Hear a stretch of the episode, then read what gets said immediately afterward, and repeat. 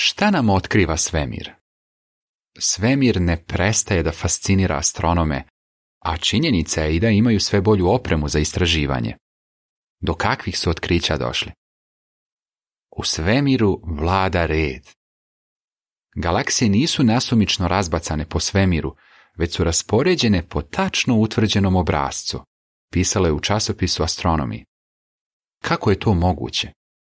Naučnici misle da tajna leži u nevidljivoj materiji koju su nazvali tamna materija. Oni smatraju da je ta tamna materija neka vrsta sile koja galaksije, jata i superjata galaksija drži na okupu. Kako u svemiru vlada takav red? Da li je moguće da je to rezultat nekog slučajnog procesa?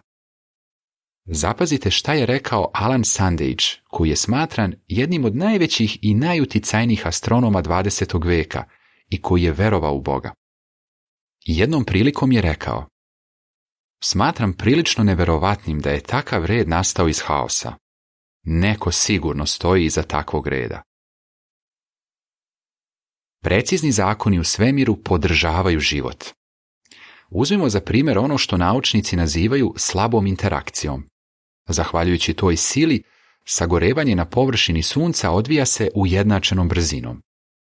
Ako bi ta sila bila slabija, sunce se nikada ne bi formiralo, a ukoliko bi bila jača, sunce bi još odavno nestalo.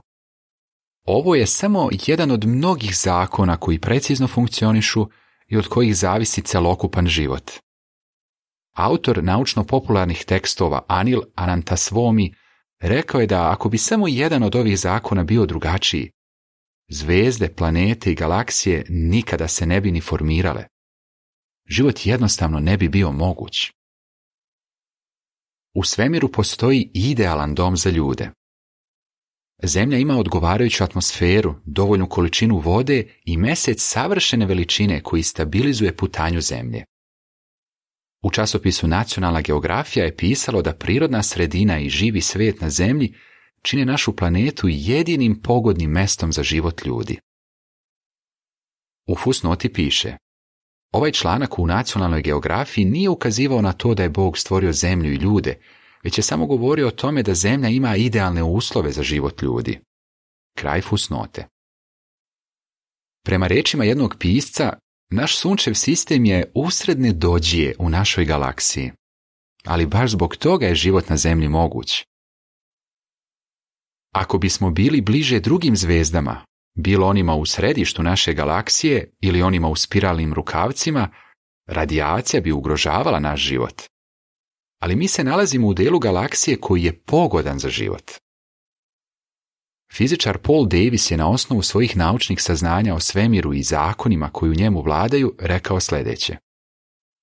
Ne mogu verovati da je naše postojanje u svemiru samo igra sudbine, uzgredan događaj u velikoj kosmičkoj drami. Mi smo zaista tu s nekom svrhom. Ovaj fizičar nije zastupao mišljenje da je Bog stvorio svemir i ljude, ali šta biste vi rekli Činjenica je da svemir i naša planeta podržavaju život. Da li je možda tako zato što su nastali planski i sa određenom svrhom? Razmislite o sljedećem.